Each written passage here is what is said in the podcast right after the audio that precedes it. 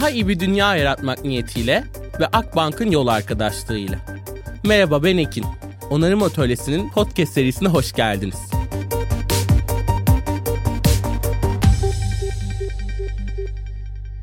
Hepinize kocaman bir merhabalar. Onarım Atölyesi Podcast'in yeni bölümüne hoş geldiniz. Aslında bu bölümdeki konuğum çok özel biri ve aynı zamanda sesini duyduğunuz anda hemen ismini hatırlayacağınız büyük ihtimalle aslında yüzünü, jestlerini, mimiklerini hemen fark edeceğiniz gözünüzün önünde bir imgenin canlanacağı bir isimle birlikteyiz.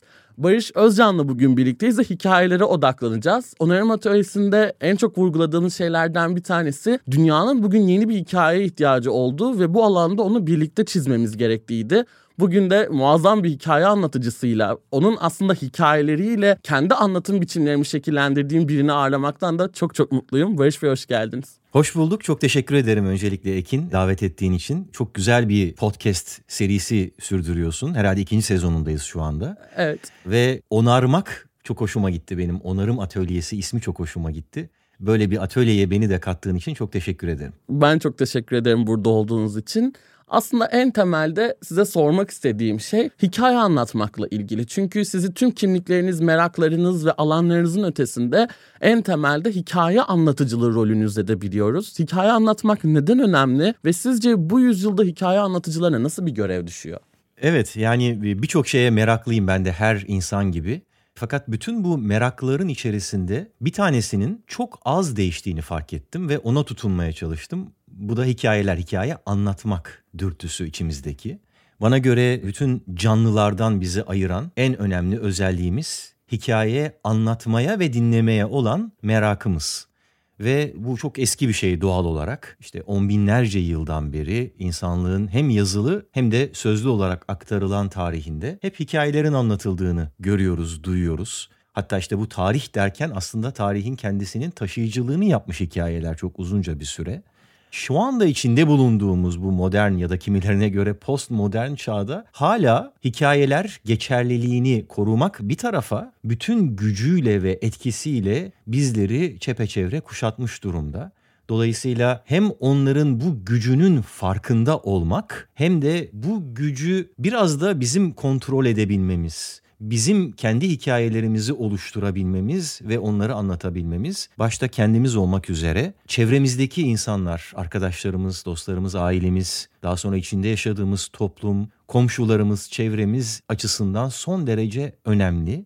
Çünkü bizler belli bir kültürün şekillendiricileri olarak o şekillendirmeyi bir araç olarak hikayelerle yapıyoruz. Çok teşekkür ederim. Burada şekillendirmek aslında yeni yüzyılda tasarlamayı da bana çağrıştırıyor bununla birlikte. Hepimizin bu ihtiyaç duyduğu ve belki de sürekli konuştuğu artık bizi bugüne kadar getiren sistemlerin devamına götüremeyeceğine baktığımız noktada ve bir paradigma kaymasını da hep birlikte yaşadığımız bu dünya düzeninin genelinde sanırım yeni dünyayı da o yeni kültürü yaratmak noktasında da hikayelere hiç olmadığı kadar ihtiyacımız var.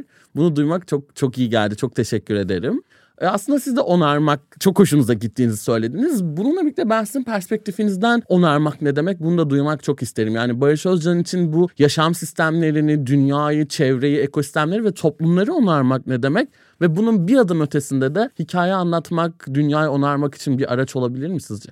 Evet. Şimdi hani hikaye gibi biraz daha böyle herkesi kapsayıcı bir terimle başladık ama ben merak duyduğum şeylerden bir tanesi tabii ki bilim ve onun bir ürünü olan teknoloji.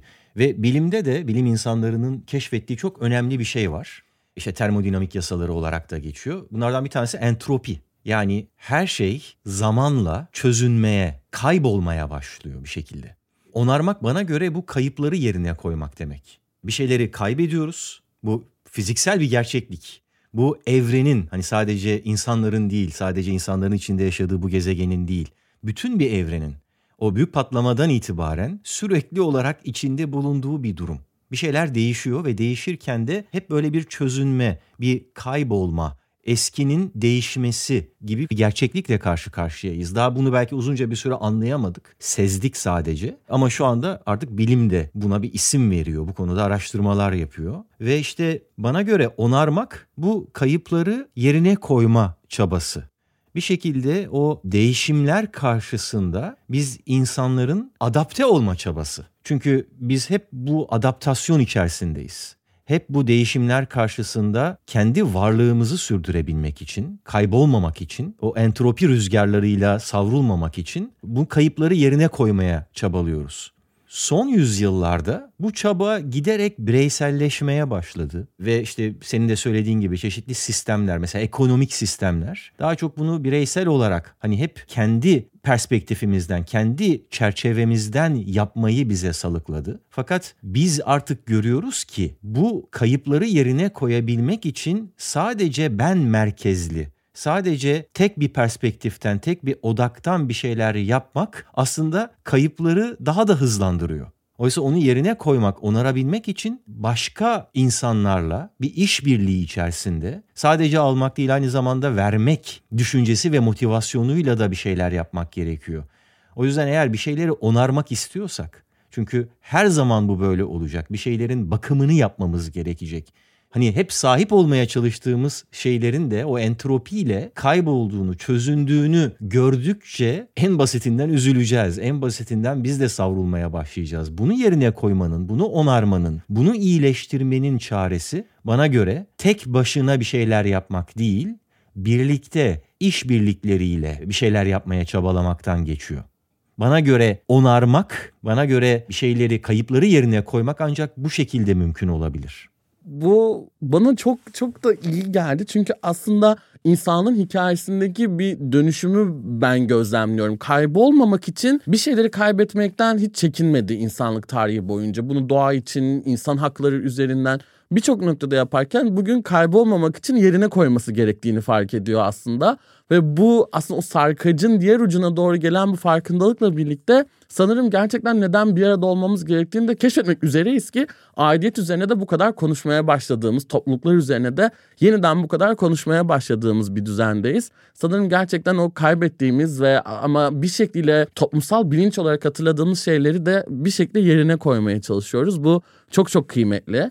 Peki sizce hikaye anlatıcılığıyla dünyayı nasıl onarabiliriz? Hikaye anlatmayı nasıl bir araç olarak kullanabiliriz? Evet bu benim de sürekli olarak zaten cevabını aradığım bir soru. Bulduğumu tam olarak söyleyemem ama bir, şey, bir şeyleri de elbette bu hikaye anlatıcılığı serüvenimde heybeme topladım. Onları paylaşabilirim belki. Çok sevinirim.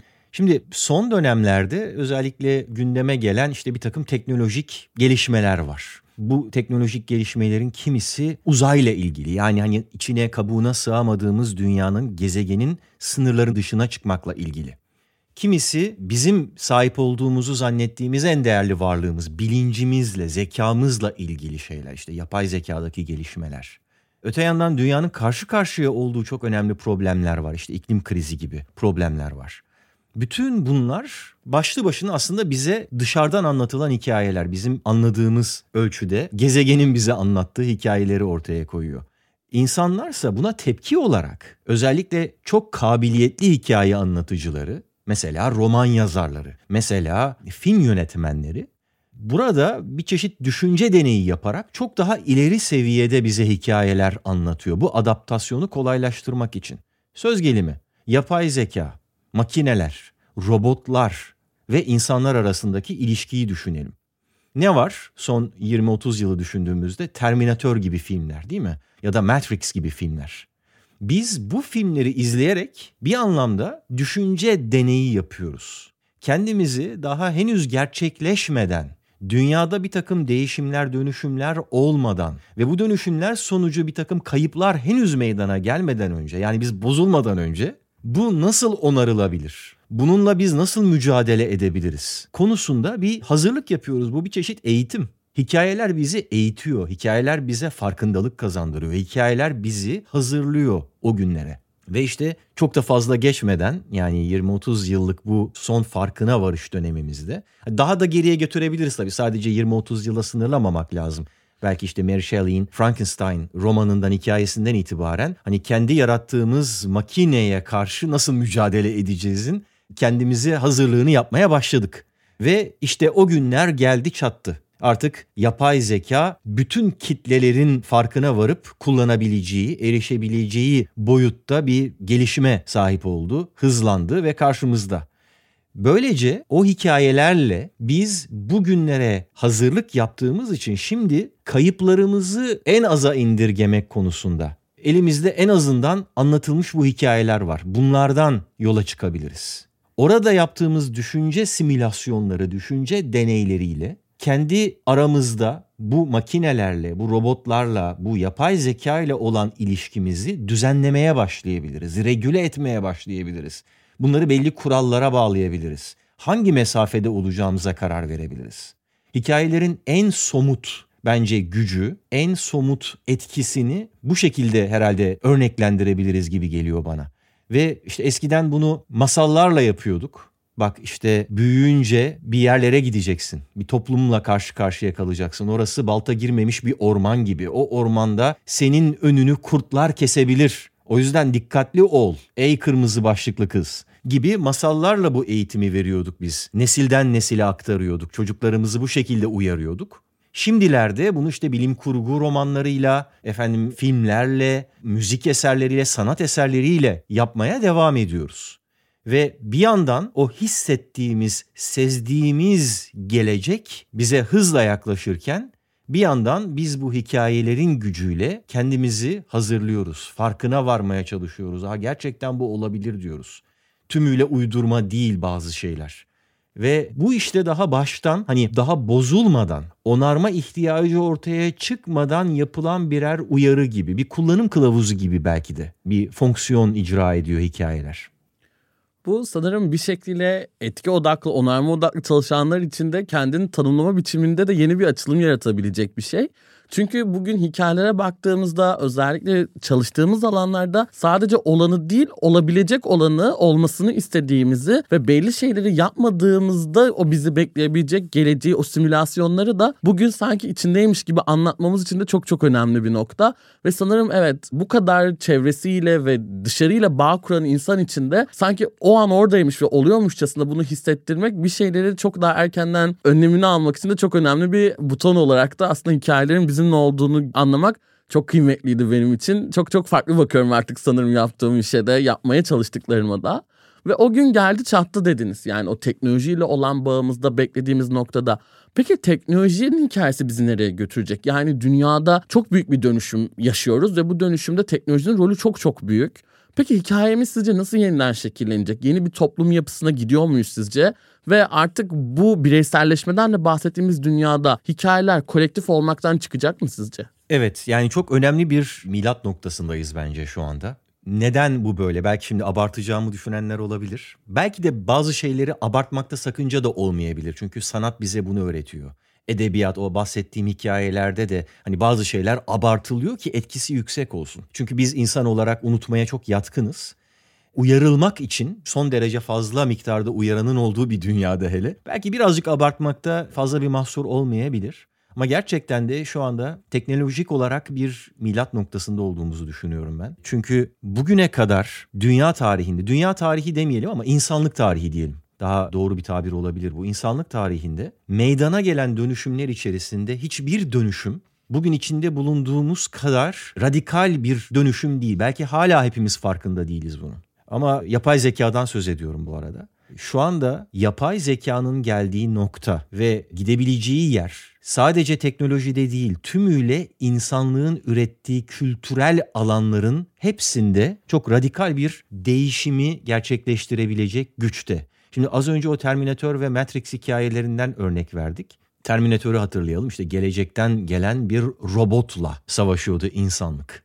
İnsan versus machine makineye karşı insan bu hikaye anlatıcılığının çok sevdiği ve kullandığı eksenlerden biridir. İnsana karşı insan, insana karşı doğa, insana karşı makine eksenleri. Bu eksenlerdeki çatışmalar üzerinden dramatik yapı kurgulanır ve bunun hikayeleri anlatılır. Şimdi insana karşı makine bizi korkutuyordu. Robotlardan korkuyorduk mesela. Robotlar gelecek ve fiziksel olarak bizim varlığımızı tehdit edecek diye korkuyorduk. Hayır öyle bir dünyaya gelmedik. Evet yani bir takım robotların yaptıkları bizi belki yaptıkları danslardan filan etkileniyoruz, gülüyoruz, korkuyoruz filan ama bence bu fiziksel tehditten çok daha farklı bir dönüşüm içerisindeyiz. O yüzden tam olarak uyanamamış görüyorum ben. Hala tam bir farkındalık kazanamamış görüyorum. Terminator gibi robotların gelip biz insanları yok etmesine çok gerek de yok. Radikal bir kültürel değişim için ya da tarihte bir dönüm noktası yaratabilmek için. Bundan çok daha farklı bir şey bizi tehdit ediyor. Bizim ürettiğimiz o hikayelerin de var olmasını sağlayan, bütün kültürel varlıklarımızı, sanat eserlerini ortaya çıkartan en temel şey kullandığımız dil. Podcast dediğimiz şey nedir? Tamamen dil üretimidir. Dil aracıyla üretilen bilgidir. İnsanların diğer bütün canlılardan en önemli farkı budur. Böyle olduğu için zaten insanlık tarihinde oluşturulan her şey, sözlü ya da yazılı tarihte üretilen her şey dille ortaya çıktı. Dilin ürünü bunların hepsi. Şu anda geldiğimiz noktada 2020'den itibaren 2022'de popülerlik kazandı. Herkesin gündemine girdi ama 2020'den itibaren geldiğimiz nokta insanın ürettiği bir yapay zeka yine insanın ürettiği bütün bu kültürel birikimleri yazılı, sözlü, notalı, görüntülü her şeyi öğrendi, biriktirdi ve bunlardan yeni bağlantılar kurarak yeni şeyler üretmeye başladı. Hiç şey tartışmasına girmeyeceğim. Ya işte ne kadar yaratıcı, insanlar olmasaydı bunu yapamazdı filan bu tartışmaları bir kenara bırakalım. Ama yaptığı şey tam olarak bu. İnsanların ürettiği her şeyi öğrendi ve bunlardan yeni şeyler üretiyor. Ve bunu yaparken de kullandığı araç ne? Dil. Dili bir anahtar olarak kullanarak bize yazı yazıyor, şiir yazıyor, hikaye yazıyor, roman yazıyor. Son aylarda artık görüntüler üretiyor, melodiler üretiyor. E bütün bunlar bizim kültürel DNA'mızdı ve şimdi bunu tarihte ilk kez biyolojik olmayan, organik olmayan, inorganik bir şey yapmaya başladı. Biz hiçbir zaman böyle bir şeyle karşı karşıya kalmadık. İnsanlık tarihinde belli sıçrama noktaları vardır. Kültürel fay hatları diyebiliriz. Kayma noktaları vardır. Bunlardan bence en önemlilerinden bir tanesi hiç şüphesiz Gutenberg'in matbaası. Çünkü o güne kadar elle yazılan bilgi ve çoğaltılan bilgi artık bir makineyle çoğaltılmaya başlandı. İnsanların ürettiği bilgi hızla çoğaltılıp yaygınlaştırılabildi. Daha 400 sene öncesinden bahsediyoruz. Sonra ne oldu? Birçok teknolojik sıçramayı sayabiliriz işte trenlerin icadı, endüstri devrimi, buharlı makineler. Onları önemsemeyelim şimdilik. Bence diğer sıçrama noktası geçen yüzyılda yaşandı. Radyolar yani podcastlerin atası. Radyoyla ses çoğaltılmaya başlandı ve dağıtılmaya başlandı. Bakın ses de yine dilin bir aracıdır, dilin taşıyıcısıdır. Hemen akabinde bir 10-15 sene içerisinde televizyon sesle beraber görüntü çoğaltılmaya ve dağıtılmaya başlandı. Kolaylaştırılmaya başlandı. Ve nihayet internet 90'lı yıllardan itibaren hayatımıza girdi. Belki şu anda bu yayını dinleyen dinleyicilerden bir kısmı yaşarken ortaya çıktı. Bakın bu saydıklarıma tekrar edeyim. Matbaa, radyo, televizyon, internet. Dört tane sıçrama noktası yaşandı dünyada, insanlık tarihinde. Hepsi dille ilgili Hepsi insanın ürettiği bilginin dil aracılığıyla kolaylıkla başka insanlara aktarılmasını sağlayan araçlar. Bugün geldiğimiz noktada daha bu yıl ortaya çıkan bu yepyeni araçlar ise tümüyle temelden farklı bunlardan. Çünkü bu öyle bir matbaa ki sadece insanların ürettiği bilgiyi çoğaltıp yaymıyor. Aynı zamanda kendisi de bilgi üretiyor. Aynı zamanda kendisi de kitap yazıyor. Bu öyle bir radyo ki aynı zamanda insan seslerini sentezliyor, taklit ediyor. Onların hiç söylemediği şeyleri söyleyebilir hale geliyor. Fakat tümüyle kendi sesini de üretebiliyor. Kendi müziğini de üretebiliyor. Bu öyle bir televizyon ki tümüyle kendi görüntülerini şimdilik daha çok resim, illüstrasyon, çizim şeklinde ama çok yakında animasyonlarıyla, videolarıyla tümüyle görüntüleri de üretebiliyor çoktan başka insanların görüntülerini taklit etmeye, deepfake'lerle onun hiç söylemediği biçimde görüntülerini ifade etmeye başladı bile. Biz böyle bir değişimle insanlık tarihinin hiçbir noktasında karşılaşmadık. Böyle bir bozulmayla, böyle bir onarım ihtiyacıyla tarihin hiçbir noktasında karşılaşmadık. Abarttım mı bilmiyorum. Birazcık böyle belki korkutucu konuştum. Benim tüylerim diken diken oldu.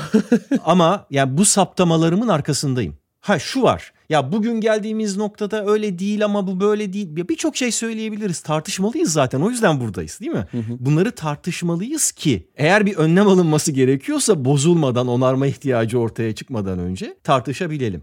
Şimdi böyle bir soru belki gelecek belki gelmeyecek bilmiyorum ama ben kendi kendime bir soru sorayım. Hı hı. Ya bunun bir örneğini gördük mü? Ya buna yakın bir örneğini gördük mü? Evet gördük. İnternetle yapay zeka arasına şimdi bir ara milat noktası ekleyeyim ben. Sosyal medya. Sosyal medya 2004 herhalde diyebiliriz, tarih verebiliriz burada. Hani Facebook'la başlatalım. 2004'ten itibaren 20 yıl diyelim 2023'teyiz ama hani yuvarlayalım biraz. 20 yıldan beri gündemimizde olan bir kavram insanlıkta nasıl bir dönüşüme yol açtığını tarif etmeye gerek var mı bilmiyorum. Birçoğumuz bunu belgesellerden izliyoruz, işte tartışma programlarında tartışıyoruz, konuşuyoruz. Daha biraz önce sabah önüme düşen bir haber benim tüylerimi yine diken diken etti. Amerika Birleşik Devletleri'nde yapılmış bir araştırma. Yeni yayınlandı dediğim gibi. Amerika Birleşik Devletleri'ndeki teenage'lerin, ergenlerin, gençlerin özellikle kız çocuklarının %25'i suicidal düşünceler içerisinde diyor. Yani hayatında bir kez intihar etmeyi düşünmüş. Düşünebiliyor musunuz? Dört kızdan biri ya. Bu inanılmaz bir şey ve bunu doğrudan sosyal medyanın etkilerine bağlıyorlar. 20 yıl önce insanlığın tarihine giren yepyeni bir kavram bu sosyal medya. Sosyal medyayı diğer medyalardan ayıran şey neydi peki? Yani o hani az önce saydık ya matbaa, radyo, televizyon bunlar da medyaydı. Farkı şu. Bu diğer eski geleneksel diyebileceğimiz 3 medyada gatekeeper denilen ya da editör dediğimiz aracılar vardı. Bu aracılar da ya işte devletlerin, hükümetlerin kontrolünde ya da müteşebbislerin kontrolündeydi. Onlar da kendi kendilerini regüle ederek bir şekilde kendi kendilerini kontrol etmeye çalışarak belli kurallar, prensipler, ilkeler, yayıncılık ilkeleri çerçevesinde bunu yapmaya çalışıyorlardı. Oysa sosyal medyada bu nasıl yapılıyor? Yine böyle müteşebbisler var elbette, özel şeyler var. Yine hükümetler, regülatörler bunları kontrol etmeye çalışıyor ellerinden ve anlayabildikleri kadarıyla, ellerinden geldiğince ve anlayabildikleri ölçüde bunu yapmaya çalışıyorlar. Fakat bu kez editörler makine.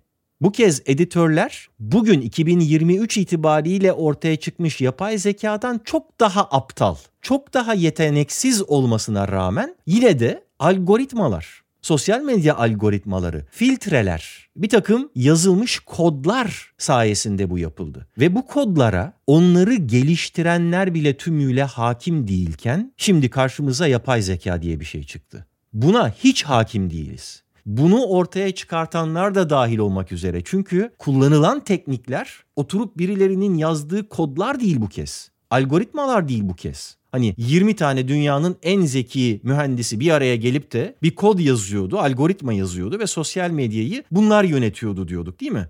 Artık öyle de değil. Artık yapay zekaya diyorsunuz ki bu dünyada bugüne kadar üretilmiş tüm bilgi ki her yıl insanlık tarihinin ürettiği tüm bilgiler katlanarak artıyor. Her yıl.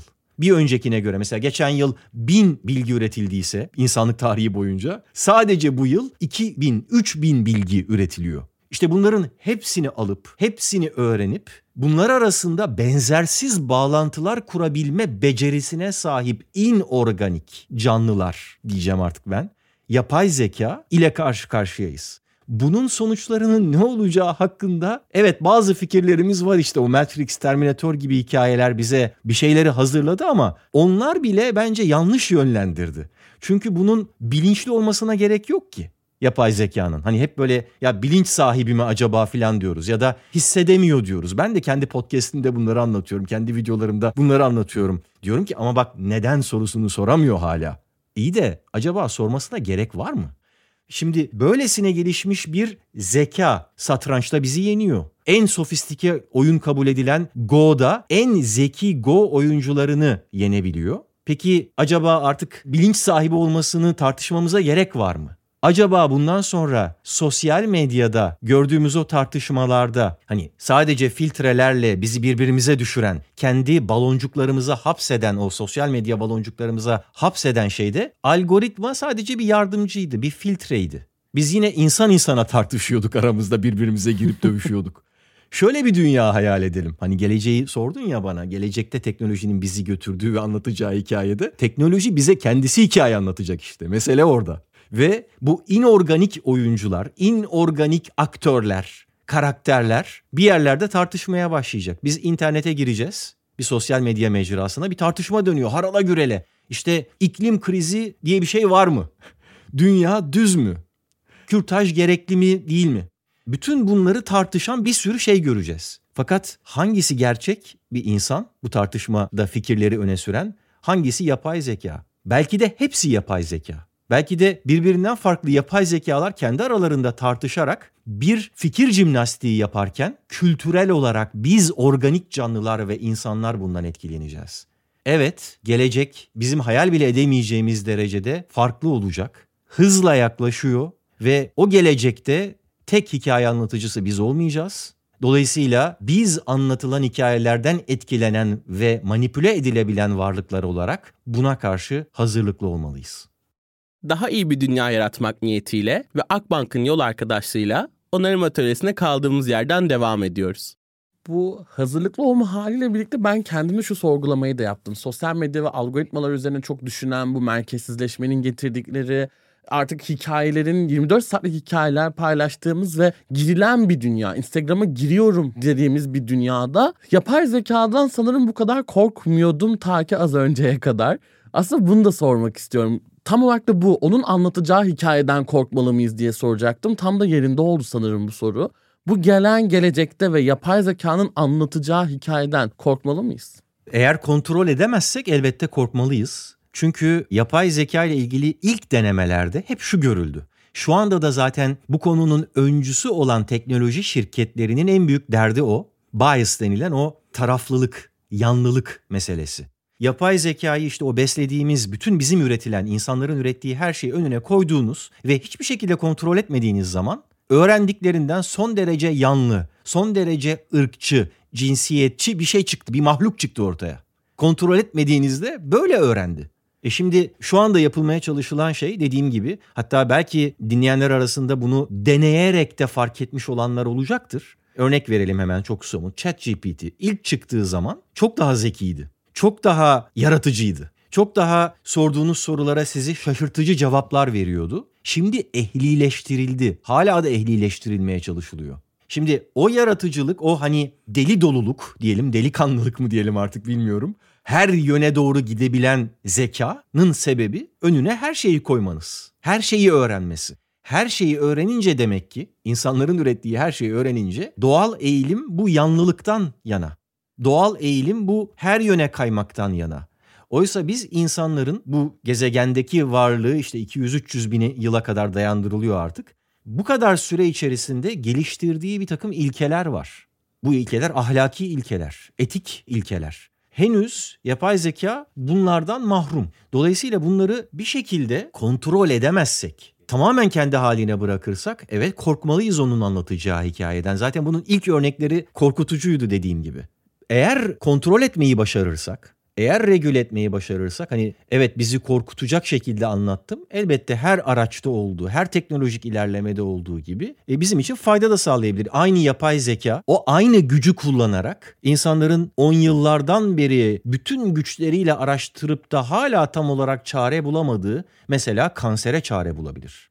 Hani korkuttuktan sonra birazcık da iyimser bir haber vereyim.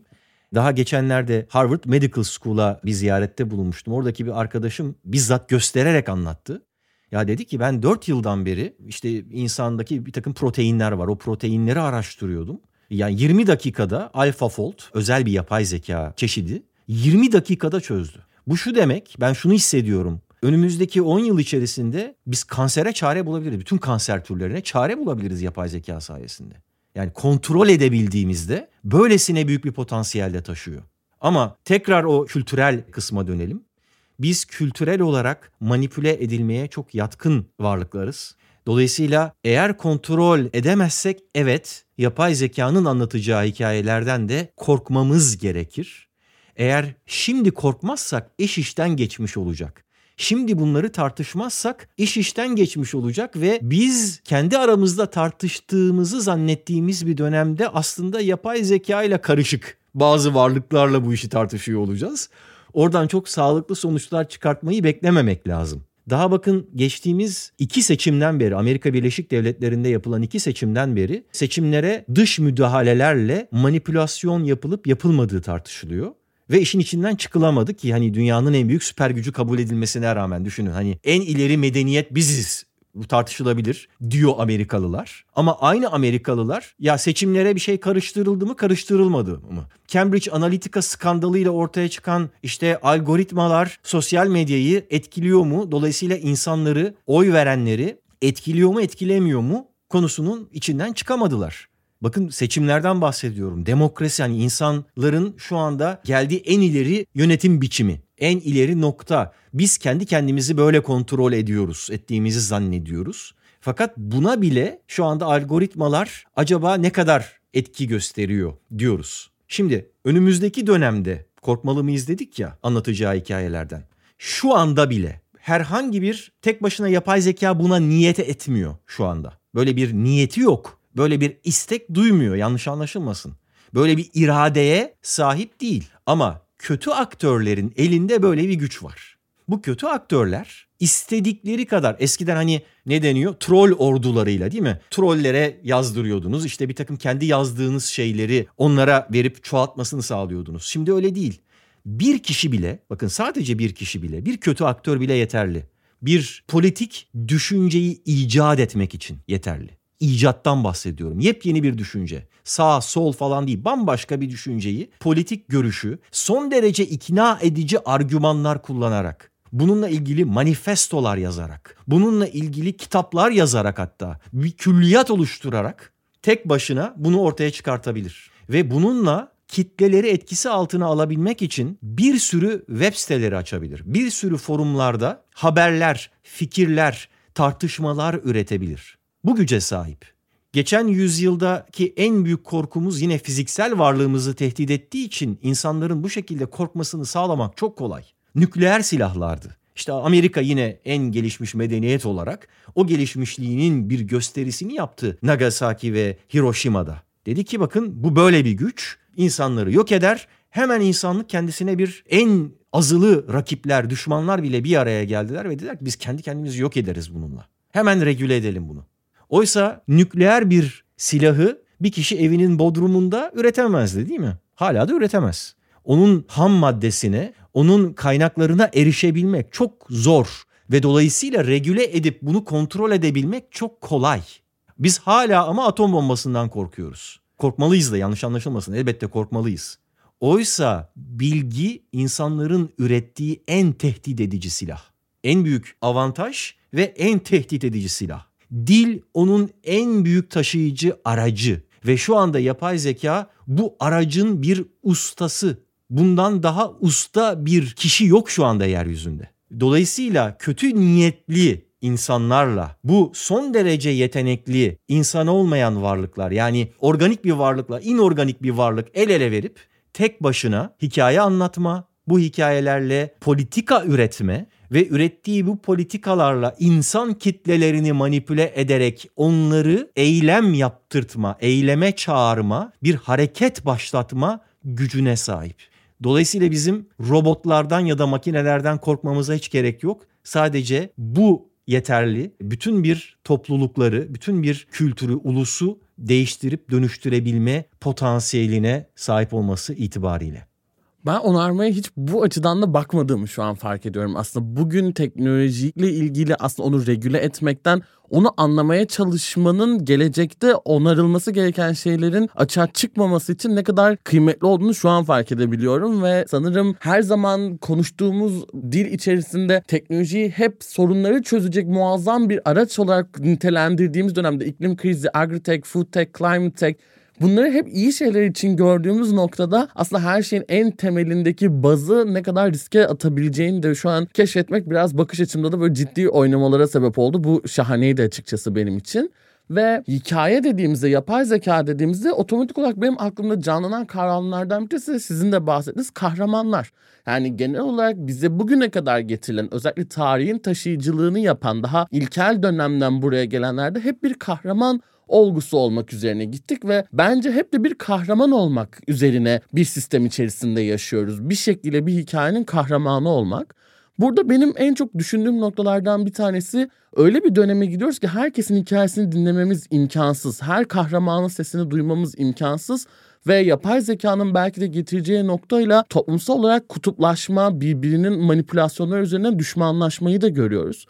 Nasıl yeni dönemde tüm hikayeleri bir araya getireceğiz? Nasıl çoklu kahramanlar yaratacağız bu dönemde? Nasıl herkes bir şekliyle ortak bir hikayenin kahramanı olabilir sizce? Evet bu da güzel bir soru. Cevabını verebileceğimden emin değilim ama en azından gerekliliğinin üzerinde durabiliriz. Çünkü bütün bu çizdiğimiz karamsar tablo ki normalde ben bir hikaye anlatıcısı olarak tercih ettiğim şey hep bardağın dolu tarafına odaklanmaktır. Boşluklarını bilmekle birlikte, farkında olmakla birlikte dolu tarafını odaklanmak ve onu göstermeye çabalamaktır. Burada da eğer hani bardağın dolu tarafına odaklanacak olursak orada bizi kurtaracak şey bu olacak diye düşünüyorum. Yani teknolojide eğer gelecekte bu inorganik varlıklar, yapay zeka bize bir şeyler yapacaksa biz kendi kahramanlarımızı üreterek bununla mücadele edeceğiz. Kahraman gelecek ve günü kurtaracak. Ve bu kahraman da insan olmak zorunda. Neyse ki. Neden insan olmak zorunda? Yapay zeka şimdiden işte virtual avatarlar vesaireler üretmeye başladı. Hatta uzak doğuda bunların hayranları, fan kitleleri falan da var. Bunların farkında olmakla beraber insanın yine zayıflıklarından bir tanesi bunu gerektirdiği için öyle. Biz insanlar mükemmelin peşinde değiliz. Biz insanlar bizim gibi kusurlu kahramanların peşindeyiz. Dolayısıyla bizim yine kusurlu kahramanlara ihtiyacımız var. Kahraman kusursuz değildir. Bununla ilgili şöyle bir şey söyleyeyim ben. İşte müziği, sanatı aslında ama sanatın içerisinde de özellikle müziği çok seven birisi olarak yine geçtiğimiz günlerde böyle müzisyen arkadaşlarla bir yerde sohbet ediyorduk. Onlar yapay zeka bizim işimizi elimizden alacak mı falan gibi böyle tartışmalar gündeme geldi. Ve bunlar hani son derece dünya çapında kaliteli müzisyenler. Dedim ki ya bakın sizin aslında çok da korkmanıza gerek yok. Şeyden korkuyorsanız korkun tabii. Hani sizden daha kusursuz bir müzik yapacak mı? Evet yapacak. Sizden daha mükemmel yani şunu yap dediğiniz şeyden daha hızlı çalışacak mı? Evet çalışacak. Siz bir konçertoyu işte 3 ayda başınızı saçınızı yolarak besteleyebilecekken o 3 dakikada vereceksiniz komutu ve yapacak. Bundan kaçınma yolu yok. Ama biz Yine de Mozart yaşamasa da, Beethoven yaşamasa da bir konsere gittiğimizde ekrana yansıtılan görüntülere ya da ne bileyim bir screensaver gibi bir soyut şeylere bakmıyoruz. Biz orada gerçekten keman çalan, gerçekten davul çalan insanları görmeye gidiyoruz hala bakın. Değil mi? 21. yüzyıldayız. Kalkıyoruz, kıyafetlerimizi giyiyoruz, giyiniyoruz, süsleniyoruz, püsleniyoruz. Arabamıza biniyoruz. Yani emekle, çabayla, evimizde arkamıza oturup kulaklıklarımızı takıp çok daha kaliteli bir şekilde o müziği dinleyebilecekken hayır bütün bu zorluklarına rağmen kalkıp kültürel bir ritüel olarak o konsere gidiyoruz ve elinde kemanla, yüzyıllar önce icat edilmiş bir enstrümanla kusurlu bir şekilde çalınan, yüzyıllar önce yazılmış bir besteyi dinlemeye gidiyoruz. Neden acaba? Bunu analiz etmek lazım. Çünkü burada yine bir kahramanın yolculuğu var. Burada yine bir kahramanın hikayesini dinlemeye gidiyoruz biz aslında. Ve orada bu hikayeyi anlatanları bile fiziksel olarak görmek hoşumuza gidiyor. Şeyler vardır bu müzik yazılımlarında zaten algoritma zaten yapay zeka kısmen yardımcı oluyor insanlara. Bunun için bugünleri beklememize gerek yoktu. İşte stüdyoda davul çalıyor birisi ve onu kaydediyorsunuz ya da insan vokalleriyle işte şarkı söylüyor. Ototune'la onun yanlış çıkan detone olan kısımlarını düzeltebiliyor bilgisayar. Bunun algoritmaları zaten var. Ama öyle bir düzeltiyor ki o algoritmalarda bir de şöyle bir ayar var humanize diye. Tam olarak adı da bu. İnsanlaştır. Yani çok aşırıya gitme. Çok mükemmel hale getirme. Mükemmele biraz yakın olsun ama birazcık da aksaklık olsun. Birazcık da insansı olsun. Birazcık da kusurlu olsun. Yani ürettiğimiz zeka ile, ürettiğimiz teknolojiyle bakın bunları yaptırmaya başladık. Şimdi bu eğilim, bu trend, bu istekler insani istekler. O yüzden bu anlatacağımız gelecekteki hikayelerde bizim yine kahramanlara ihtiyacımız var. Bunu nasıl yapacağız bilmiyorum. Ama yani tümüyle sanal yapacağız diyelim. Değil mi? Hani yapay zekayı diyeceğiz ki bana bir kahraman yarat. Tümüyle sanal olsun. Şöyle yakışıklı, böyle güzel olsun. Efendim sesi şöyle güzel olsun diyeceğiz. Ama sonra onu yine insanlaştıracağız. Yine kusurlu hale getireceğiz. Kusursuz kahramanlar bizim ilgimizi çekmediği için biz ilham almak istiyoruz. Biz bir yerlerimizde ya ben de yapabilirim bunu demek istiyoruz. Yapamayacağımızı bilsek bile. Öyle bir ilişki kurmalıyız ki bu kahramanlarla. Öyle bir mesafemiz olmalı ki onun altında kalmamalıyız. Onun altında ezilmemeliyiz. Çok dengeli bir dans bu. O bize ilham vermeli. O bizi ne kadar kötü olursa olsun dünya, insanlık ne kadar hani o hikayelerde de hep şey vardır. Bir problem, bir engel, bir bozulma hali vardır. Onarma ihtiyacı ortaya çıksın. Hikayenin şey yapısı budur. Plot dediğimiz o temeli budur. İşte o onarma ihtiyacı ortaya çıksın, bir şeyler yıkılsın ama kahramanın yardımıyla, desteğiyle, onun vereceği, yapacağı işlemlerin benim kafamda oluşturacağı akislerle, etkilerle bunu benim başımdan bir şey gelirse ben de yapabileceğimi bileyim. Bunu hissedeyim. Bu çok insani bir istek ve aslında hikayeleri ortaya çıkartan şey bu. Çünkü biz işte o ta avcı toplayıcı toplumken de aynı şeyleri, ihtiyaçları hissediyorduk. Gündüz biyolojik bir varlığız dedim ya, biyolojik varlıkların en temel iki ihtiyacı vardır. Beslenmek ve üremek. Bu iki şey. Bu biyolojik ihtiyaçlarımızı gideriyoruz. İşte avlıyoruz bir şeyleri ya da topluyoruz bir şeyleri dallarından. Besleniyoruz. Sonra mağaralara gidip üremeye çalışıyoruz. Ama yetmedi bu değil mi? Hani diğer hayvanlar bunu yapıyorlar ve yetiyor. Biz insanlara bu yetmedi bir şekilde. Biz bir de o biyolojik ihtiyaçlarımızın yanı sıra kültürel ihtiyaçlar ortaya çıkarttık. Akşam mağaraya gittiğimizde üreme dışında dedik ya bir de ateş yakalım. Teknolojik bir icat. Dedik ki sonra o ateşin etrafında toplanalım ve gündüz başımıza gelen o engelleri birbirimizle paylaşalım. Ya bir tane hayvan vardı orada. Pusu kurdum çünkü çok büyüktü. Başka bir arkadaşımla beraber pusu kurduk onu yakalamak için ve o pusuyu kurduktan sonra şu teknikle onu kandırdık ve yakaladık. Bu bir hikaye.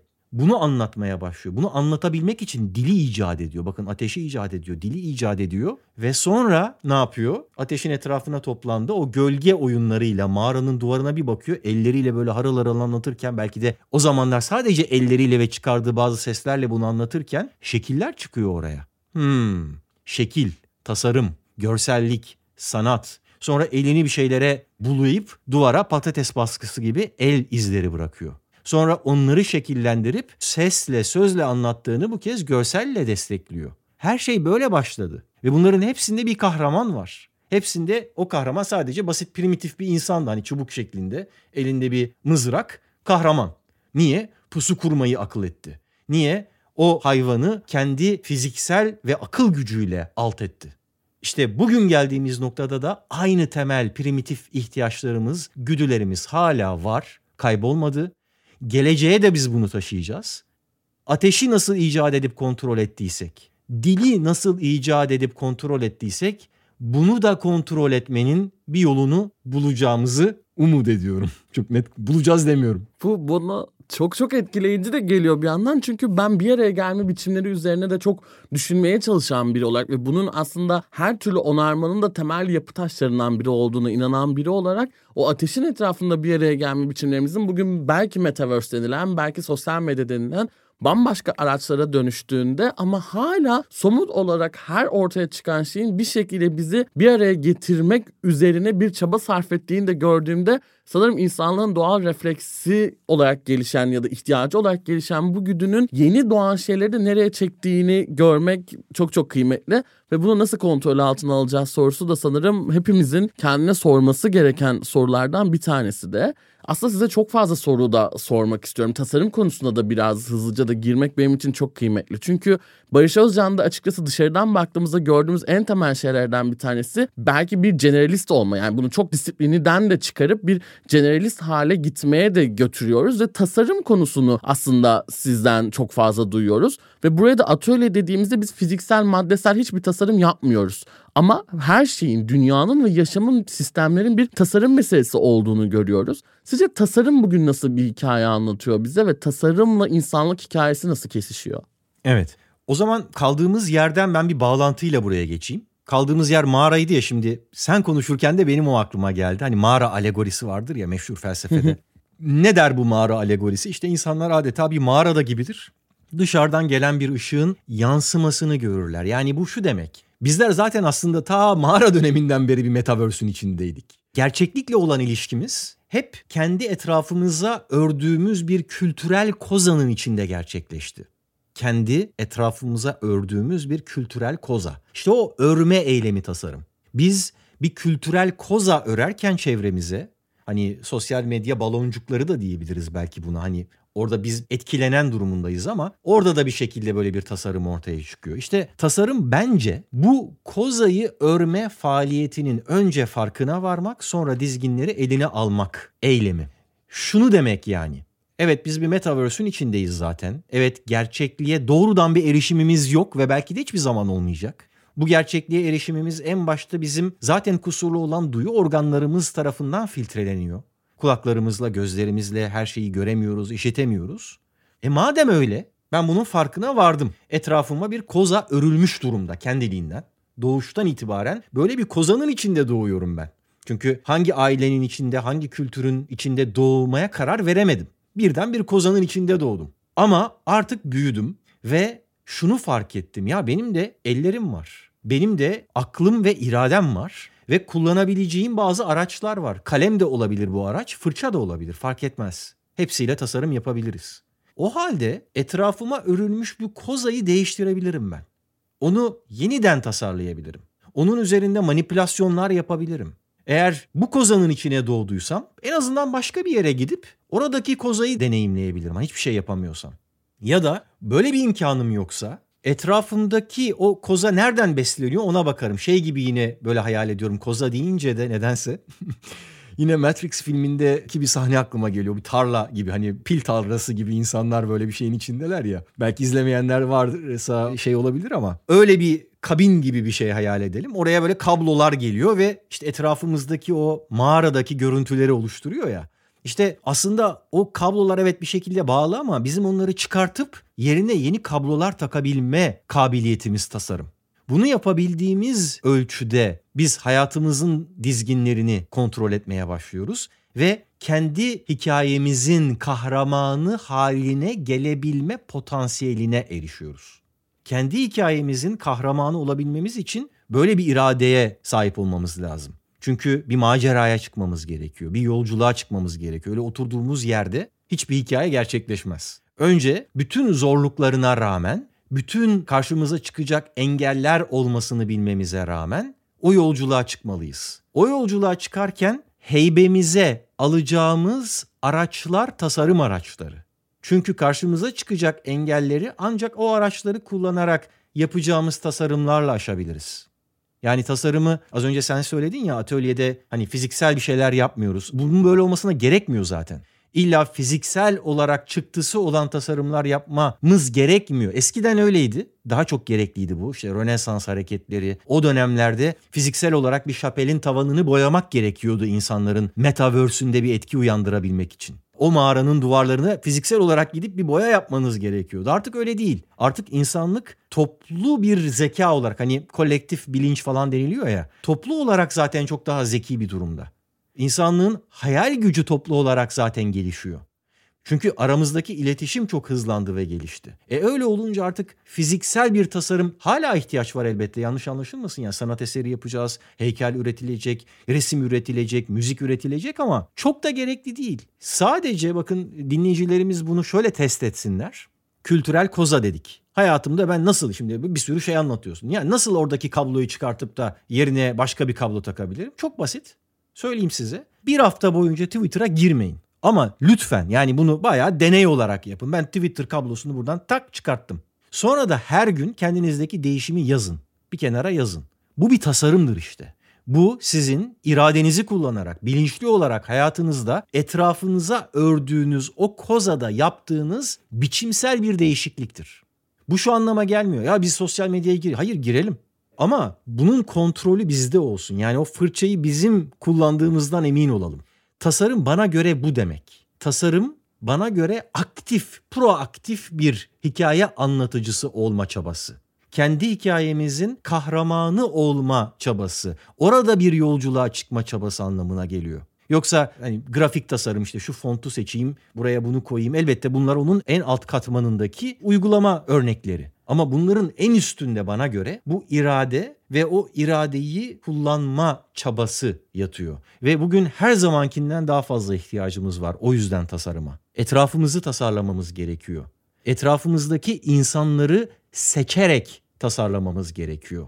Nasıl nasıl yönetilmek istediğimizi seçiyorsak demokrasilerde aslında kendi minik krallığımızın içinde de bir demokrasi yapmak istiyorsak orada da muhatap olduğumuz insanları seçeceğiz.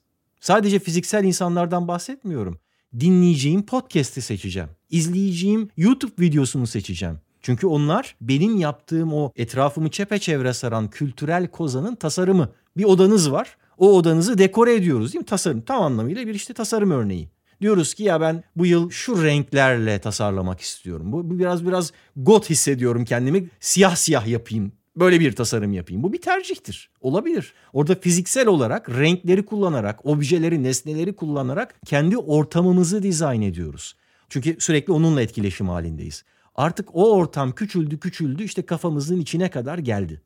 En önemli tasarım o onun içini tasarlamak. Yani kafamızın içindeki odayı tasarlamak ise eğer o zaman onun içine koyacağımız nesneler, fikirler, insanlar, diğer kaynaklar ve onların yerli yerine konulması ki bu da 24 saatimiz varsa işte ben sadece bir saat sosyal medya ile muhatap olacağım diyerek olur. Sadece sosyal medyada işte ne bileyim TikTok'ı değil de Twitter'ı tercih edeceğim ama 10 dakika. İşte daha pozitif olan şunu ya bunları örnek olarak veriyorum sadece yanlış yönlendirme falan değil. İşte daha pozitif olan Instagram'da biraz daha fazla vakit geçireceğim. Ama daha sonra da bundan çıkacağım. Yani bunun esiri de olmayacağım. Yoksa o zaman onlar benim hayatımı tasarlamış oluyor. Kendimi başka tasarımcılara emanet etmeyeceğim diyebilme iradesine sahip olmak tır bana göre tasarım. Ben o yüzden zaten hiç değiştirmedim sloganımı sanat tasarım ve teknoloji hikayelerini. Hı hı. Ve burada önem sırasına göredir bu da. Hani herkes tasarımcı olabilir ama herkesin öyle sanatçı olabilme şeyi mümkün olmuyor. Kısmet olmuyor diyelim herkese. Belki böyle bir potansiyelimiz var ama gerçekçi düşünecek olursak o potansiyeli herkesin kullanabilme imkanı yok. Ama ben tasarımcılığın herkesin yapabileceği bir şey olduğunu düşünüyorum. Herkes bunun eğitimini de alabilir. Bu farkındalığı da kazanabilir. Teknoloji ise zaten bütün bunları gerçekleyen, gerçeklememizi sağlayan aracımız. Dolayısıyla biz sanattan besleneceğiz, tasarımcı olmaya çalışacağız ve bunu yaparken de teknolojiyi kullanacağız ki kendi hikayemizi anlatabilelim kendi hikayemi nasıl anlatabilirim sorusu tamamen zaten şu anda ortadan kalkmış oldu ve sanırım bu hepimiz için de reçetelere ihtiyaç duyduğumuz anda kaybolduğumuz noktada dönüp hatırlayabileceğimiz bir reçete. Özellikle siz anlatırken bir soru oluştu aklımda ama sonra tekrar onu da kendi kendime cevapladım. Bu kabloların bağlanma hallerinde bazı kablolar sistemsel olarak bize bağlandığında o kabul içerisinde yaşıyoruz ama onu dünyanın bir yıkıma götürdüğünü tıpkı teknolojide olduğu gibi tıpkı iklim krizinde refah problemlerinde olduğu gibi bazen delilik yapıp herkesin onun takılı olduğunun farkında olmayan kabloları çıkarması gerektiğini anlatmak gerekiyor. Ve bunu nasıl yapacağız? Yani degrowth'tan bahsederken yeni bir hikayeden bugünün kabullerinin tam zıttını anlatmaya çalışırken o kabloyu söküp yeni bir kablo takabileceğinin de mümkün olabileceğini nasıl göstereceğiz diyecektim ki bunu tasarımın araçlarıyla nasıl yapabileceğimizi keşfetmek benim için de bulunduğum eylem sahasında çok çok çok kıymetli oldu. Bu benim için inanılmaz iyi bir noktaydı. Çok çok teşekkür ederim. Benim her konuğuma da sorduğum son bir ortak soru var. Sizce gelecek için, bugün için umut var mı? Ben hep umutlu olmaktan yanayım ve hep umudu tavsiye etmekten yanayım. Mesela işte bu konuşmanın başlarındaki bütün o olumsuz tabloya rağmen, bütün o karamsar gelecek resmine rağmen hep bardağın dolu tarafını gösterme taraftarıyım. İyimser olmak hiçbir şeyi kaybettirmez. İyimser olmak en başta kendi yapacağınız tasarımın güzel olmasını sağlar. Size iyi gelir. O yüzden gelecek hakkında da %100 umutlu olmalıyız. Bu sadece içi boş ve romantik bir hayal değil. 200 bin yıl öncesine kadar götürüyoruz dedik insanlığın gelişimini. Bütün bu tarihe baktığımızda, bilimsel olarak incelediğimizde, istatistiklere, verilere baktığımızda teknik olarak hep iyiye gitmiş insanlık.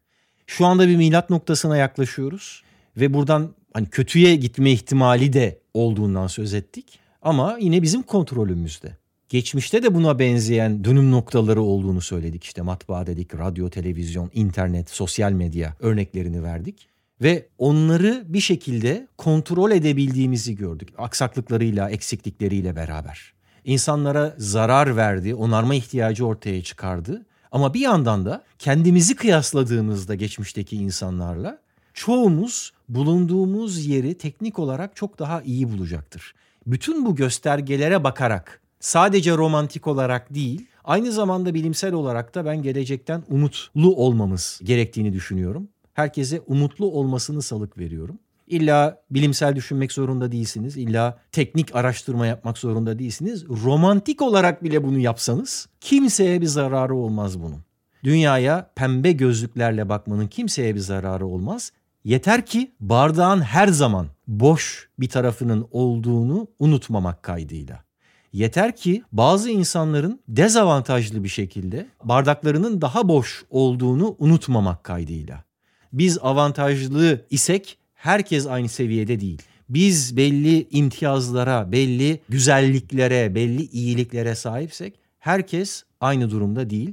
Bunun farkında olmak kaydıyla gelecekten umut duymalıyız ve o umudu yeşertecek, o umudu destekleyecek şey yine biziz. Bizlerin içindeki istekle işte Ekin'in kalkıp böyle bir onarım atölyesi adı altında, başlığı altında dizi halinde böyle bir seferde değil sürekli olarak bu konuları gündeme getirmesi, bununla ilgili konukları davet etmesi, karşılıklı yapıcı, fayda sağlayıcı, uyandırıcı tartışmalar yapması. İşte bu köşede o bunu yapıyor. Ben kendi köşemde başka bir şey yapmaya çalışıyorum. Emin olun dünyanın birçok yerinde farklı farklı kültürlerden gelen birçok insan kendi dilleri döndüğünce, kendi yetenekleri ölçüsünde aynı şeyleri yapmaya çalışıyor. İşte bu çaba, bu pes etmeme, bu engellerin olduğunu bilmeye rağmen yolculuğa çıkma çabası bizim gelecek hakkında umutlu olmamız için yeter de artar bile.